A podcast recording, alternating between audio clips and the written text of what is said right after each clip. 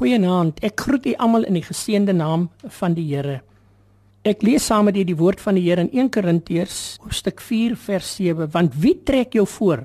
En wat het jy wat jy nie ontvang het nie?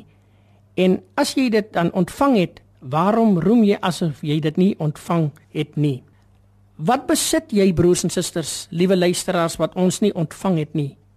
Besef jy niks is werklik jou eiendom nie. Alles behoort aan die Here. Dit is sy eiendom. Nog lank voor jy gebore is, was dit reeds syne.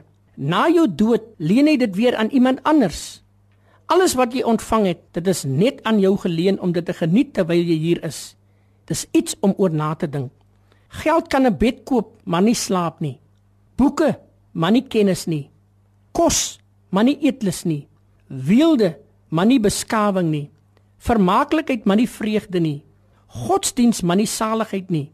'n paspoort na oral, maar nie hemel toe nie. Die Here vra, "Waarom is geld vir jou so belangrik wat nie brood is nie?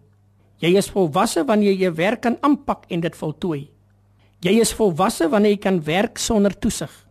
Jy is volwasse wanneer jy geld in jou sak het sonder om dit te spandeer. Mag die Here ons help. Mag die Here ons genadig wees dat ons sal besef wat ons het kom van die Here af. Hemelse Vader, baie dankie dat ons uit u woord vanaand verneem dat alles wat ons besit en alles wat ons het, behoort aan u. Help ons Here om so te lewe om ons hele lewe aan u te wy. Amen.